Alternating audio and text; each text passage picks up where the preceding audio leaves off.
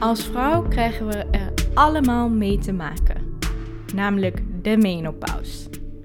En why the hell is het dan toch nog zo'n onbegrepen en onbesproken onderwerp rondom ons leven van de vrouw en wat we allemaal meemaken? Dus ik denk vandaag in deze podcast is het time for a change. En misschien luister je nu wel en denk je, um, de menopauze is voor mij nog toekomstmuziek. Ook dan is het heel fijn om te weten wat het überhaupt is. Ook omdat jij er ook mee te maken gaat krijgen. En maak je vooral niet te druk over welke klachten je kunt gaan krijgen of dat je al vroeger erin zit. Over het algemeen is dat sowieso een goede tip van mij. Maak je niet te druk. Dat, daar zullen je hormonen je ook heel dankbaar voor zijn. Maar we gaan het er vandaag dus wel over hebben: de menopauze. En alle fases die ervoor en erna rondom mee te maken hebben. En goed om te realiseren is dat er veel processen zijn die ook verbonden zijn aan de menopauze. Die ook nu al spelen. Dus stel je bent 25 richting de 30 jaar. Ook dan zijn er echt al onderdelen die ermee te maken hebben en die nu al van invloed hebben. En misschien denk je, ja, heel leuk Eva, maar ja, ik heb daar toch geen controle over. Uh, het is wat het is. Klopt, tuurlijk. Er zijn altijd genetisch bepaalde factoren die invloed hebben op hoe jouw menopauze eruit gaat zien. Maar uiteraard, er is ook heel veel waar je wel controle op hebt.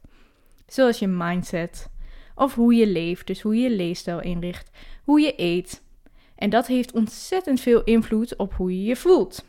En laat dat nou weer indirect invloed hebben over op je overgang en de menopauze overal. Dus indirect heb je eigenlijk veel meer controle dan je denkt. Je kunt de overgang en de menopauze niet tegengaan. Dat is gewoon waar we allemaal als vrouw nou eenmaal mee te maken hebben. Maar we kunnen het wel een stuk prettiger maken. En precies dat vind ik nou zo belangrijk, omdat er zoveel taboe op heerst en er nog zoveel is wat je er wel aan kan doen. En ik wil je natuurlijk helpen dat je je lichaam beter begrijpt, maar ook het kan integreren. Dus ook het eigen kan maken. Want het kan natuurlijk super frustrerend zijn omdat je gewoon niet weet wat er gebeurt en onbegrip hebt van hé, hey, wat zijn dit voor klachten?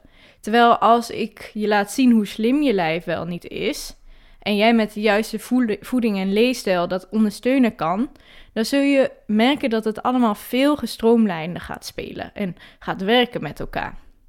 Dus laten we het vandaag vooral even gaan hebben over dus die belangrijke menopauze en de overgang. Want zijn het nou hetzelfde of zijn ze niet hetzelfde? Goede voorbereiding is het halve werk. En voor de duidelijkheid, de menopauze en de overgang zijn niet hetzelfde. De overgang is een tijd waarin je menstruatiepatroon verandert. Um, dan kun je bijvoorbeeld zien de eerste jaren waarin je niet meer menstrueert, maar wel al wat overgangsklachten hebt, of soms nog een beetje onregelmatig menstrueert. Er zijn al wel klachten, maar misschien soms een beetje verstoring of misschien niet in je cyclus. En dat wordt vaak de perimenopauze genoemd.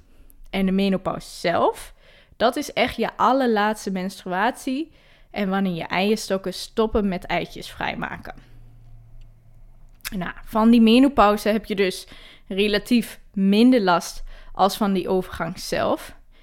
In de overgang zelf gaan je hormonen op en neer en zoek je naar een nieuwe balans. Maar tuurlijk, elke leeftijd en elke vrouw heeft een andere ervaring en heeft met verschillende invalshoeken te maken. Dus hoe zit het dan precies met de leeftijd? Want die is, zoals ik net al noemde, per vrouw verschillend. Maar uiteraard laat de wetenschap wel zien dat er een gemiddelde is waar alvast rekening mee kan worden gehouden en waarin je ziet dat de productie van hormonen lager worden. Nou, van leeftijd 0, dus vanaf je geboren bent tot ongeveer een leeftijd van 35, zit je vaak in je normale reproductieve jaren, zoals ze dat noemen. Dus eigenlijk de jaren dat je uh, gaat menstrueren, dus je menarche, wanneer je ijsprongen hebt en eigenlijk gewoon het meest vruchtbaar bent. Nou, dat wordt eigenlijk de premenopauze genoemd, oftewel de echte fase voor de menopauze. Dus eigenlijk de jaren dat je gewoon echt focust op ja, een gezonde vrouw zijn. Overal ben je sowieso een gezonde vrouw, maar dan ben je in je meest bloeiende jaren. Nou, en dan komt de perimenopauze. Dat is ongeveer tussen de uh, leeftijd 35 tot 45. Dus je kan relatief jong en vroeg beginnen, maar kan ook een stuk later. En dat eindigt zo rond de 50, soms 55.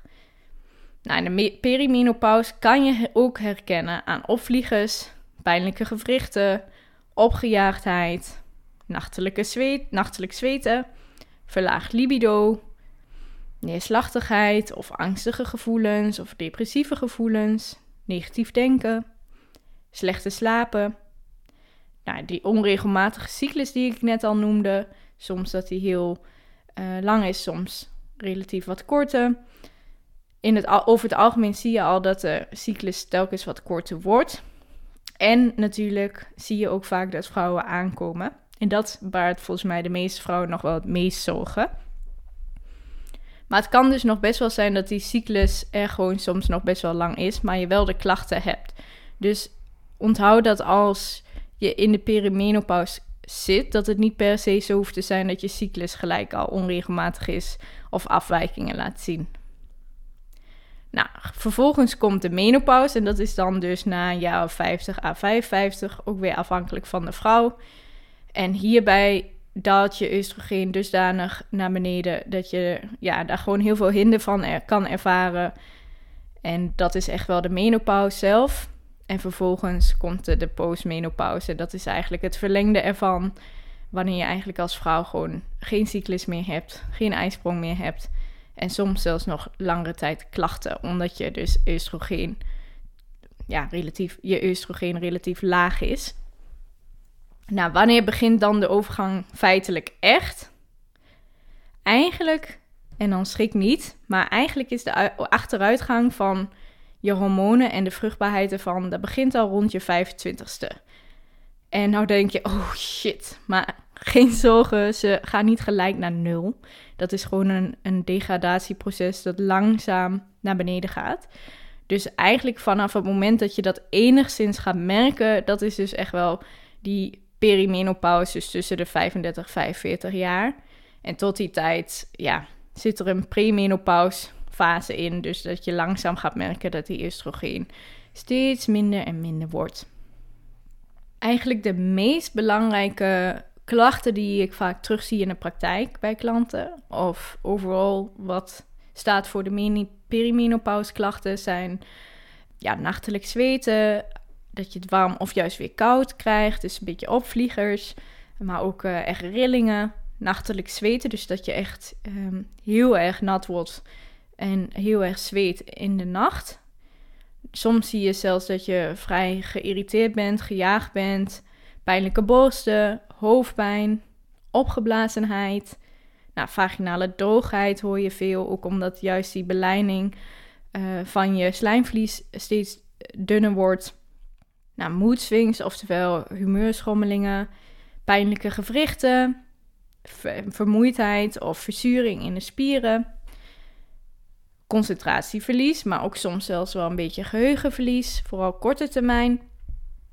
En je ziet ook vrouwen met eigenlijk juist wel weer soms wat meer acne of wat meer eczeem. Je ziet vrouwen aankomen, maar ook vrouwen met veel meer haargroei. Nou, je hoort het al best wel wat klachten. Soms hoor ik ook echt vaak wel duizeligheid, dus dat is ook nog wel een goede om te benoemen. Maar je hoort het al best wel wat klachten die eronder vallen. En de mate waarop jij klachten ervaart hangt met name ook samen met hoe je leeft en hoe je gezondheid in elkaar steekt. Hoe ver je in de overgang zit, maar ook je afkomst. Dus het is echt wel dusdanig verschillend waar zit je in die menopauze of perimenopauze en hoe leef je en ook je afkomst heeft daarmee te maken. En ik zeg dat bewust even omdat als we kijken naar de data die gegeven is, dan zie je bijvoorbeeld dat Amerikaanse vrouwen van Europese afkomst veel meer te maken hebben met slecht humor, prikkelbaarheid, vergeetachtigheid, terwijl Aziatische vrouwen veel meer last hebben van hartkloppingen en opvliegers. En bijvoorbeeld Aziatische vrouwen veel minder klachten hebben in verhouding tot uh, de Amerikaanse vrouwen van Europese afkomst. Nou, daarnaast heeft het ook wel te maken met hoe je leeft, hoe je voedingspatroon is en hoe je genen zijn. Maar het heeft ook te maken hoeveel kinderen je hebt gehad. Dus wat je vaak ziet is in Afrika zijn er toch vaak vrouwen die meer kinderen krijgen. En die vrouwen gaan ook weer eerder vroeger in de overgang. Nou, overal zit er dus best wel veel verschil in welke invloeden impact hebben op je overgang en je menopauze en hoe je die ervaart. En voor sommigen is dat gewoon een hele smooth ride, dus geen klachten, vliegt er doorheen. En voor sommigen kan het echt een hell of a ride zijn met veel opvliegers, veel slapeloze nachten, echt aankomen. Dus ja, elke, voor elke vrouw is het verschillend en je zult moeten anticiperen op jouw situatie. Dus jouw persoonlijke situatie is het belangrijkste en daar vanuit wil je beginnen. Nou, laten we gaan kijken naar de oorzaak van die klachten. En ja, daarvoor is het natuurlijk belangrijk om te weten wat doen die hormonen dan en hoe spelen ze dan een rol in die menopauze. Nou, je lichaam verandert en je hormonen veranderen mee. En wanneer je spier- en botmassa afneemt, nemen ook bepaalde hormonen af. Dus naarmate je ouder, worden, ouder wordt, zie je dat botmassa en spiermassa afneemt en dus hormonen ook afnemen. Nou, voor de kennen is dit GH, groeihormoon, IGF-1 en DHEA. Maar misschien zegt het je natuurlijk ook niet zoveel. Dus ik leg het je even uit. Je eierstokken produceren oestrogeen, progesteron en androgenen. Nou, ze worden gesignaleerd daardoor om dat te produceren door het FSH, het follicelstimulerend hormoon. Oftewel het hormoon dat de eicel laat groeien. En het lutecerend hormoon wordt geactiveerd uit de hersenen en die zorgt weer voor dat de ijsprong kan plaatsvinden. Nou, met de menopauze nemen deze hormonen geleidelijk af. Maar terwijl deze hormonen afnemen, komen geslachtshormonen die worden afgescheiden door lichaamsvet en andere organen zoals bijnieren vaker voor. En daardoor ontstaat die disbalans in hormonen. En ervaar je dus al die vervelende klachten. Dus kort gezegd, je ziet een verandering in oestrogeen, progesteron, androgenen, maar ook de signalatie van FSH en LH. En doordat daar een disbalans ontstaat, kun je dus die klachten ervaren, even simpel gezegd. Nou, wat merk je dan aan de menopauze? Nou, goed, hij is dus iets anders dan een overgang, maar in principe heb je het net al gehoord, eigenlijk gelden een beetje dezelfde klachten. Maar de mate waarop je ze ervaart kan geleidelijk aan steeds heftiger worden en bijvoorbeeld die cyclus volledig uitblijven. Um, maar er zit dus wel een verandering in hoe je dat ervaart. Nou, welke dingen kun je dan echt gaan merken als je in de overgang zit? Dus eigenlijk late 50s of iets later of iets eerder, afhankelijk van jouw situatie. Um, er zijn een aantal dingetjes die je merkt, maar één ervan die je gewoon wel vaak terugziet is een zwakkere blaas hebben. En dat komt eigenlijk door de lagere oestrogeenlevels die er tot toe kunnen leiden dat je gewoon minder controle hebt over die blaas. Nou, als jij dan ook nog kinderen hebt gehad, um, of als je merkt dat die botdichtheid en die spierontwikkeling afneemt, dan zul je zien dat die bekkenspieren ook zwakker worden. En eigenlijk door die combinatie van minder controle hebben over je blaas, maar ook zwakkere bekkenbodemspieren, zie je dat je gewoon sneller ja, last krijgt van je heupen. Maar waar je ook kans op hebt, is dat je gewoon wat meer incontinentieklachten hebt. Dat je vaker moet plassen, dus daar iets minder goede controle over hebt. En je ook gevoeliger bent voor bijvoorbeeld blaasontstekingen of schimmelinfecties. Uiteraard, voor bekkenbodemspieren geldt dat kun je gewoon trainen. Dat kan door simpele oefeningen met een soort balletje, maar dat kan ook door oefeningen in de sportschool te doen of thuis te doen. En voor blaasontsteking helpt niet minder gaan drinken, want dat helpt niet. Maar juist zorgen dat je goed hydrateert en dus voldoende blijft drinken. Maar ook dat die vochthuishouding goed is. Dus ook goed op je mineralen en je zouten letten. Soms zie je dat een pessarium goed werkt daarvoor en kan dat de oplossing zijn. Dat kun je natuurlijk altijd eventjes overleggen met je gynaecoloog. Uh, maar daar zie je soms wel dat het goede positieve verandering brengt. Nou, een andere grote verandering die vrouwen merken is toch wel dat je lichaam verandert. En dat komt natuurlijk door de veranderingen in hormonen die leiden tot de verandering van je lichaamscompositie, dus je lichaamsvorm, hoe je eruit ziet. Je ziet dat je spiermassa, botdichtheid en bindweefsel afneemt naarmate je ouder wordt. In het algemeen worden de meeste vrouwen ook inactiever, dus ze gaan minder bewegen door de dag heen. Gaan vaker zitten, zijn wat luier. Nou, wat je dan ziet is dat lichaamsvet juist toeneemt en ja, spiermassa, botdichtheid en bindweefsel wat afneemt en dus je fysieke veranderingen gaat zien. Nou, je raadt het alvast. Daar komt, komt mijn expertise naar voren. Je kunt hier echt zo ontzettend veel aan doen. Namelijk gewoon werken aan je voeding, de basis van de voedzaamheid aanpakken, de basis van je mineralen aanpakken en natuurlijk beweging inzetten. Want uiteindelijk wil je ook gewoon zorgen dat je één gezond oud wordt, niet zoveel last hebt van die hormonen en stiekem toch wel gewoon er goed uit blijft zien. Zorg er dus gewoon voor dat die botten gezond blijven, dat die spiermassa up-to-date blijven. Ik bedoel, tenslotte wil je misschien in de toekomst wel je klein kind kunnen dragen of je boodschappen kunnen dragen. Je wil gewoon vitaal zijn. Dus zorg dat je dat gezond houdt. Nou, en overal, als je echt merkt, ik heb last van die hormonen, wees dan ook niet bang om in gesprek te gaan over hormoonsupplettietherapie. Oftewel, een vervanging van hormonen. Daarover zal ik in de toekomst een andere podcast over opnemen, zodat je daar iets meer over te weten kan komen. Maar het kan echt wel een goede oplossing zijn, dus vrees daar niet opeens voor. Nou, wat kan je dan doen om je beter te voelen en je hormonen echt meer in balans te krijgen? Hoor ik je gelijk al afvragen. Nou, als je overal veel meer overtollig lichaamsvet hebt, dan zie je toch vaak wel dat de hormoonproductie sneller verstoord wordt. En ontstaat er gewoon vaak veel meer ontstekingsreacties systemisch gezien. Nou, en dan om met de deur in huis te vallen. Over het algemeen geldt gewoon als je een hoger lichaamsvetpercentage hebt, dan wordt de hormoonproductie gewoon sneller verstoord. En daardoor kunnen ontstekingsreacties komen in het lichaam. Dus wat we gewoon nu vaak al zien en weten is dat lichaamsvet een hele belangrijke rol speelt. En dus snap je dat het ook heel belangrijk is dat je gewoon een goede vetpercentage en balans daarin wilt houden. En hoe doe je dat? Tada! Voedzaam eten en bewegen. En ik blijf het maar herhalen, maar simpeler dan dat wordt het niet. Maar het vraagt wel om een levensverandering. En dat wil dus niet zeggen dat je radicaal alles anders moet doen. Of wederom gelijk moet gaan diëten en Sonja bakkeren of intermittent fasting moet doen. Want dan krijg je natuurlijk uiteindelijk alleen maar het yo-yo effect en kom je op de long term eigenlijk alleen maar aan. Je ziet dan ook dus dat het lichaamsvet constant op en neer gaat en je hormonen daarin meegaan. Dus eigenlijk is dat helemaal niet werkzaam en helpend.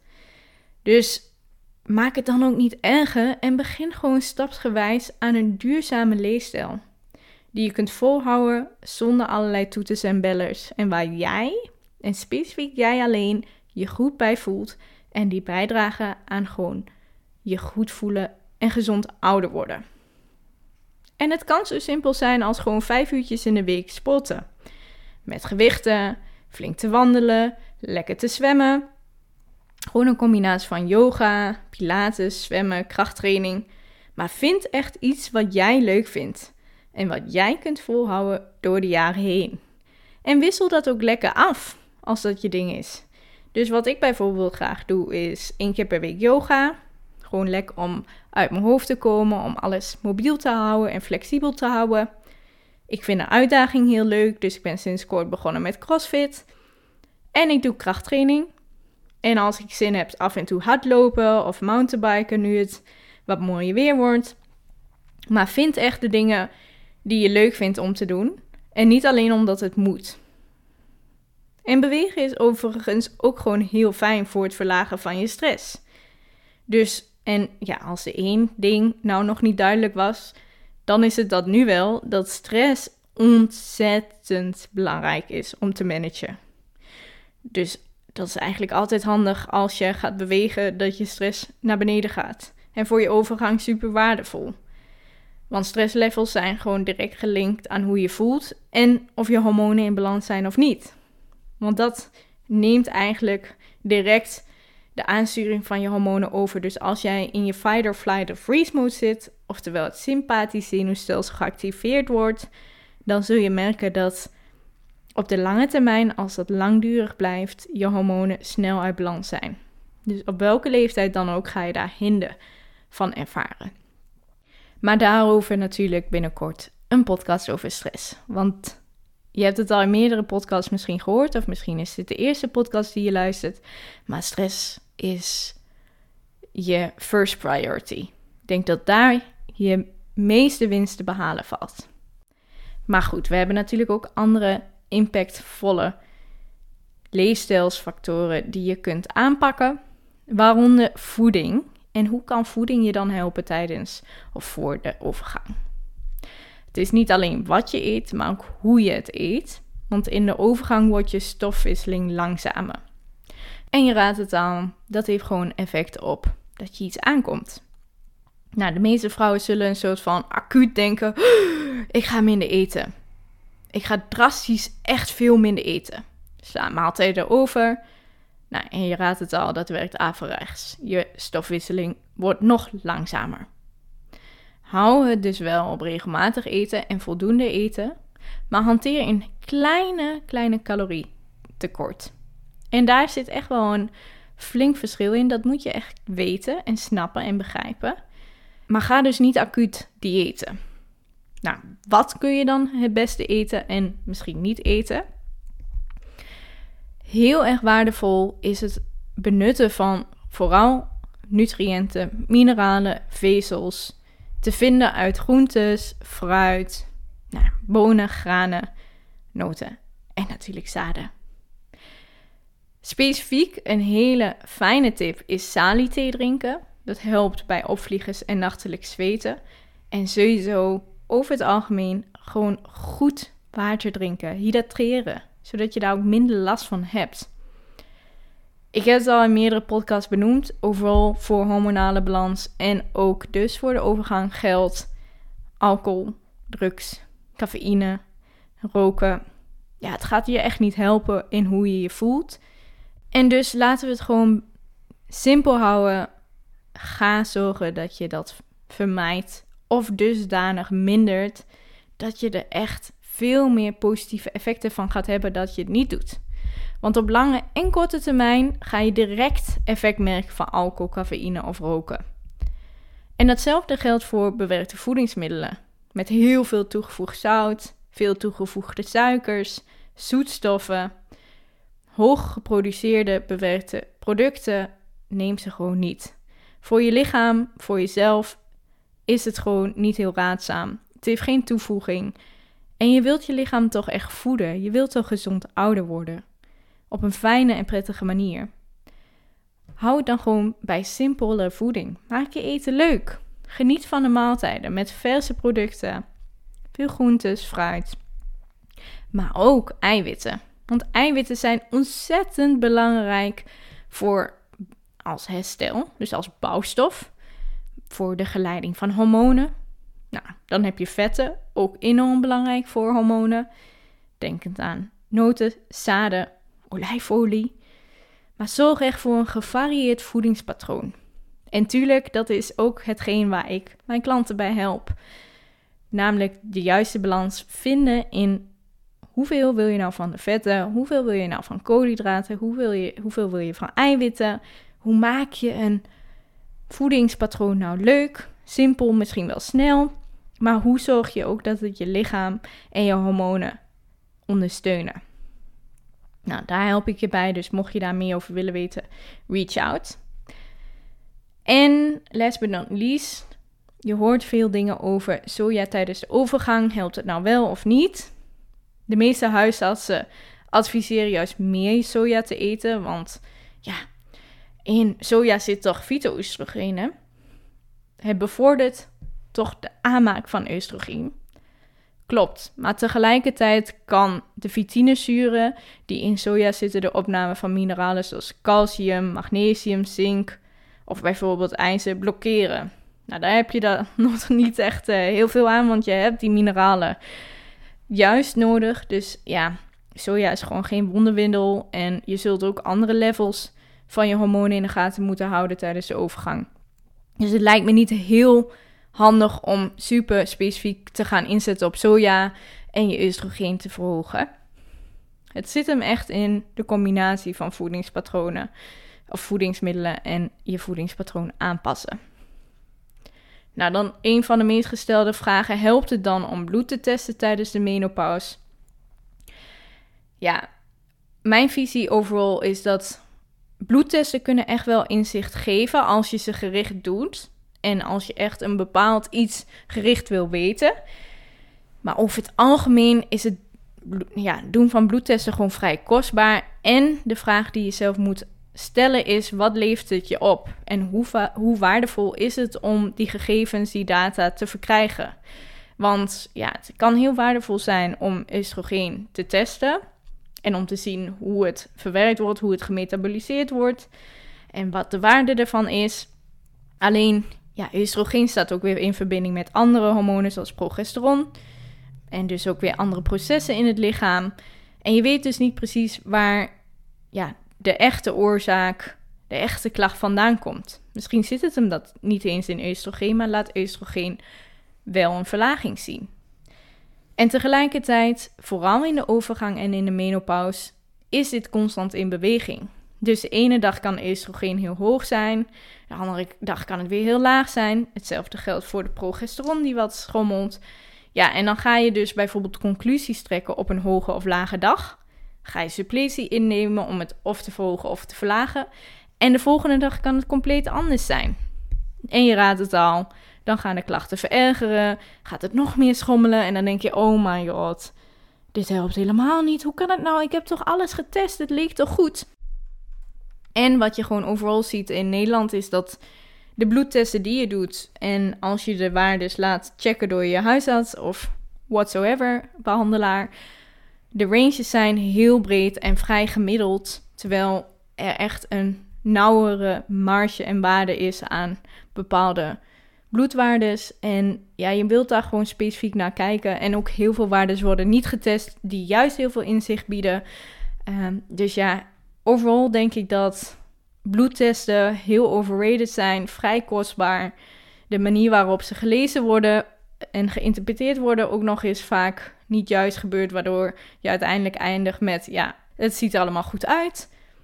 Ja, het kan dus heel waardevol zijn, maar het kan ook gewoon heel nutteloos zijn als je niet weet wat je ermee moet doen. Dus overal zou ik zeggen, ja, ga bloedtesten doen als je bijvoorbeeld weet er zitten familieleden met borst- of eierstokkanker in de familie, dan zou ik het zeker nalopen ter preventie van en ter check van. Maar het belangrijkste blijft toch echt wel kijk naar de klachten, houd je symptomen bij en ga daarop werken. Door middel van leefstijl, door middel van de voeding die je eet, door, de, door middel van de stress en hoe je daarmee omgaat, hoe jij je leven inricht, hoe jij je leven leeft, de voeding die je eet, hoe je beweegt, alles hangt samen met elkaar. En tuurlijk, er zijn supplementen die kunnen helpen bij de overgang, maar ook daarom, wederom, niet één supplement of een mix daarvan werkt voor iedereen. En ieder lichaam heeft iets anders nodig, omdat je, ja, de vertering anders is, de opname anders is, je voedingspatroon er anders uitziet. Dus blijf altijd wel kritisch met supplementen en welke je neemt. Want ja, je kan ook heel veel slechts doen met suppletie. Dus het kan ook echt wel schade aanbrengen. Over het algemeen in de praktijk zie ik toch wel dat er wel wat raadzame suppletie um, mogelijkheden zijn. Dus welke vitamines en mineralen sowieso vaak tekort komen in de overgang. En dat is toch echt wel actieve vitamine B-complex. Het is natuurlijk zink voor je libido, vitamine D, met name in Nederland, en onze helaas weinig zonuren, magnesium en calcium en uiteraard omega 3. We zien natuurlijk dat veel mensen over het algemeen weinig vette vis eten, dus omega 3 is sowieso een aanrader. Ehm, en dan heb ik het niet over uh, dure visolies en whatsoever. En dat je kan testen met een bloeddruppeltje. Nee, gewoon uit zalm halen. Of als je dat niet lust, dan omega-3 suppleren. Of makreel kan natuurlijk ook alle vette vissen. En vervolgens heb je gewoon een hele goede basis. Als je aan je leefstijl werkt, aan je suppletie werkt. Eigenlijk alles wat ik heb benoemd maar onthoud, er zijn geen wondermiddeltjes. Dus heb je specifieke klachten, dan vraagt dit gewoon ook om een specifieke en persoonlijke aanpak. En suppletie is gewoon geen medicatie. En ze zullen gewoon niet problemen als sneeuw voor de zon oplossen. Maar je kunt wel kijken naar, hè, zijn er tekorten die ik, uh, die ik oploop? Of zijn er manieren waarop ik meer uh, kan inspelen op de dingen die voor mij uh, specifiek qua klachten optreden en wat helpt daarbij. En om je daarvoor een beetje op weg te helpen, er zijn uit de opleidingen die ik heb gevolgd wel wat dingen die helpen. En ik zeg hier altijd mee: let op voor jezelf. Waar ben je allergisch voor? Of zijn er dingen waar je niet goed tegen kan? Kom daar eerst achter voordat je random gaat bijslikken. Dat wil ik gewoon even gezegd hebben, want niet alles werkt voor iedereen. En nogmaals, de dosering is echt heel belangrijk om even rekening mee te houden. Nou, de belangrijkste dingen die ik uh, voorbij heb zien komen is bijvoorbeeld probioticum, met name hoge kwaliteit en gevarieerde probiotica, stammen en bacteriën. Die kunnen helpen bij het ondersteunen van je darmgezondheid en daarmee dus indirect je oestrogeen levels en oestrogeendominantie. Overigens heb ik hier ook een podcast over opgenomen, namelijk de PMS-podcast. Daar kun je ook meer over horen. Passiebloem kan helpen om het zenuwstelsel te kalmeren en je meer kalmte te laten ervaren, met name als je je meer gejaagd voelt, opgejaagd voelt, gehaast voelt.